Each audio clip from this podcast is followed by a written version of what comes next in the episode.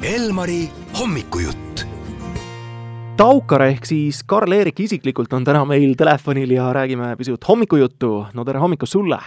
tere hommikut teile ka! kuigi õudne kiusatus on küsida kohe muusika ja tont teab mille kohta, siis me täna räägime hoopis sinu varjatud küljest. meil kõigil on oma teine pool ja Karl-Erik, sinul puudutab see kübermaailma. räägi kogu selle kübertutvuse algus nüüd välja ma räägin lühikese versiooni või pika versiooni, palju meil aega on? no kui sa mahud nüüd siin alguses minuti sisse ära, siis me oleks väga tänulikud. no väga hea, ma proovin teha siis lühikese. lihtsa inimese vaatest tegelikult igasugused küberohud ju piiravad meid iga päev.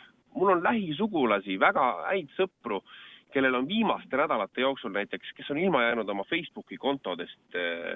Ma ise olen kokku puutunud sellise asjaga, et, et ma, ma sain nii-öelda petta internetis, panin valesse kohta oma krediitkaardi andmed ja, ja pahalased said sealt isegi, isegi mõned eurod kätte. nii et selles mõttes jaa, see, see huvi on mul äh, selle vastu, et meil need nähtamatud ohud meid nii väga ei, ei varitseks, on tugev. ja ma olen mõned aastad tagasi äh, saanud sellisesse kampa, kus on Eesti juhtivad kübereksperdid. me panime aluse koos äh, sellisele üritusele nagu Cyber Battle of Estonia mis on tänaseks saanud juba nüüd Telia Cyber Battle of Nordic Balticuks, mis juhtubki nüüd sel laupäeval äh, Tartu Ülikooli spordihoones.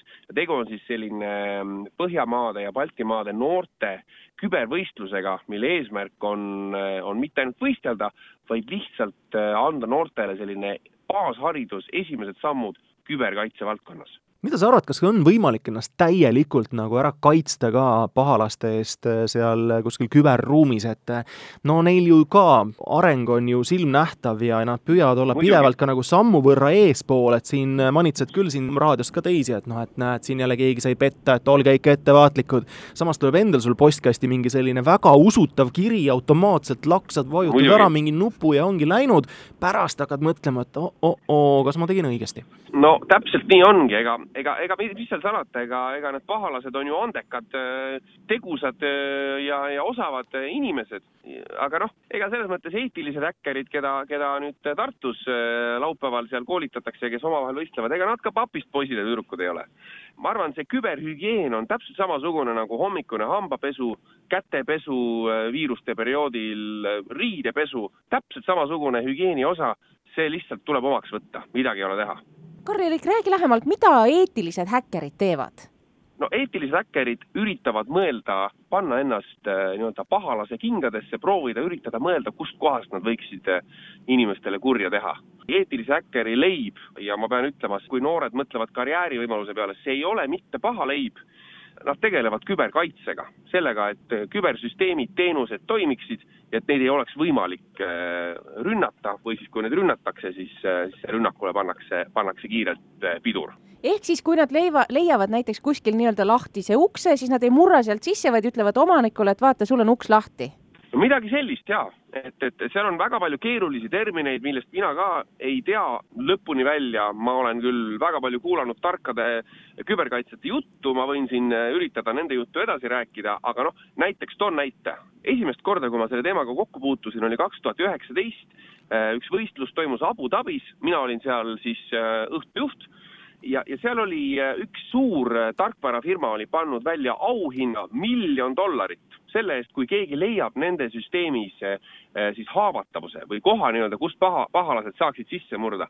ja see miljon dollarit võeti ära, see maksti välja sellele inimesele, kes selle haavatavuse leidis. see on, see on asi, mida suured firmad, mille eest nad on nõus ka väga palju äh, nii-öelda kompensatsiooni maksma, kui keegi selle üles leiab, sest see on nende jaoks väga tähtis, et süsteemid oleks turvalised. no selliseid äh, vendi või tüüpe oleks päris põnev ju vaatama ka tulla, et kuidas sellised tipptegijad tegutsevad reaalselt, aga ma olen kunagi sattunud ühele malevõistlusele, mitte midagi aru ei saanud, mingid tüübid istusid lihtsalt ja mingid lauad olid ees. aga et äh, kui nüüd huviline tuleks siia kohale küberlahingut vaatama, et mismoodi see asi nagu välja näeb, et ega tõenäoliselt no tegelikult see on selles mõttes Tartus sel laupäeval toimub Põhjamaade ja Baltikumi suurim noorte kübervõistlus. mina olen päevajuht, ma olen seal noh, praktiliselt seal äh, terve päeva järjest ka eetris seda kantakse meil ka Telia Inspire kanalil otse-eetris üle, seda võistlust. loomulikult on seal palju sellist, mille puhul esimese hooga ei saa aru, mida need noored täpselt teevad. selle jaoks on meil selline ekspertkomisjon, kes natuke selgitab. ma ise üritan igal võimalusel ka lavalt anda, ütleme sellisele lihtsale vaatajale ka sellist sisulist poolt edasi. Aga meil on ka suur, noh vaata et sama suur, kui mitte suurem meelelahutusala, mida juhib siis hea kolleeg Kristel Aaslaid Äh, kes teeb ka ise esituse, Villem Trillem on meil kohal, kes annab laivi ja meil on, äh, meil on väga palju kihvte Eesti ettevõtjaid ja ettevõtmisi, kes on oma sellise meelelahutusala boksiga väljas.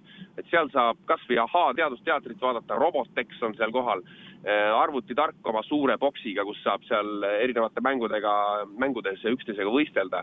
nii et ma arvan, laupäeval sa ei pea olema ise küberhäkker, et tulla ja, ja nautida seda, seda olmet, vaadata võistlust ja ise meelelahutusalal ka kaasa teha kuulates praegu, millise õhinaga sa kogu sellest sündmusest ja teemavaldkonnast räägid, jääb meil üle ainult loota, et sa kitarri ja mikrofoni põõsasse ei viska, vaid ikka ka muusikas edasi panustad. sa tead nagunii, et me ootame uut muusikat, aga kui laupäev on selline tihe tööpäev sinu jaoks, siis eh, ma arvan, et sul ei ole uudis enam, et eh, pühapäeval on isadepäev ja sinu jaoks elu esimene. palju õnne! vot, ma tänan juba ette. jah, väga, te olete ikka kavalad, oma kodutöö ära teinud ja ma tänan väga, et tõesti, ma juba ootan, et, et minu eas on võimalik ka veel elus midagi esimest korda kogeda, siis see on tõesti see nii et igas mõttes tore nädal sinu jaoks ka ja, ja see saabuv nädalavahetus, mis on nüüd käeulatuses siin juba reede hommikul, võime seda öelda. aitäh sulle, Karl-Erik ja taaskord, taaskord oli tore sinuga rääkida. alati teiega ka. Ja muuseas, ega selles mõttes, ega üritus ei ole mõeldud ainult noortele. see on igas vanuses on seal tegemist, et tulge palun läbi öelge ukse peal Taukar pani listi. Ja, ja tegelikult see on muidugi nali, üritus on kõigile tasuta, nii et aga kui tahate ennast tähtsana tunda, öelge kõik, et Taukar pani listi